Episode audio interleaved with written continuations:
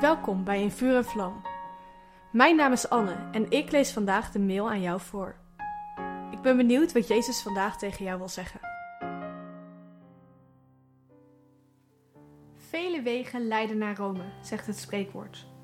Het betekent dat er meerdere manieren zijn om je doel te bereiken. Je komt er toch wel. God is niet zoals Rome. Er gaat maar één weg naar God toe en die weg is Jezus.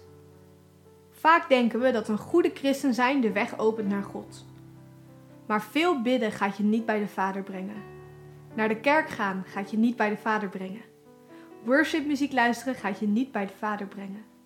De lieve woorden van je vrienden gaan je niet bij de Vader brengen. Preken luisteren gaat je niet bij de Vader brengen. Er is maar één ding dat jou naar God brengt: het offer van Jezus. De Bijbel zegt dat hij die geen zonde kende, tot zonde is gemaakt, zodat wij nu rechtvaardig voor God kunnen zijn. Zie 2 Korintiërs 5 vers 21. Ik vind dit een van de mooiste teksten uit de Bijbel. Jezus werd vies, hij werd zonde, zodat wij schoon kunnen worden. Het enige wat jou naar God brengt is geloven in dit offer van Jezus.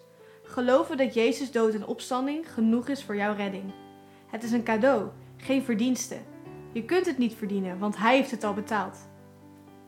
De dingen die ik hiervoor allemaal heb genoemd, kunnen jou natuurlijk wel helpen in je relatie met God. Ze kunnen je alleen niet echt bij God brengen. Dat Jezus aan het kruis stierf maakt mogelijk dat we een relatie met God kunnen hebben. Het is het begin van de relatie, de start, zoals een bruiloft ook het begin is van een huwelijk. Dat er een bruiloft is, zorgt dat je huwelijk bestaat. Maar dat je tijd en liefde in elkaar investeert, maakt dat je een goede relatie krijgt. Bidden, aanbidden en christelijke vrienden hebben zijn manieren om te investeren in je relatie met God. Maar ze mogen nooit de plek innemen van de bruiloft. We hebben het de afgelopen week gehad over dat Jezus de weg is.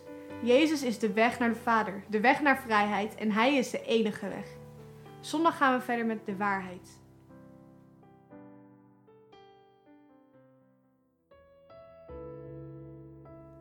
Wat leuk dat je hebt geluisterd naar In Vuur en Vlam. Heeft de tekst je geholpen om God beter te leren kennen? Deel In Vuur en Vlam dan met je vrienden. Meld ze aan op streef.nl slash in vuur en vlam.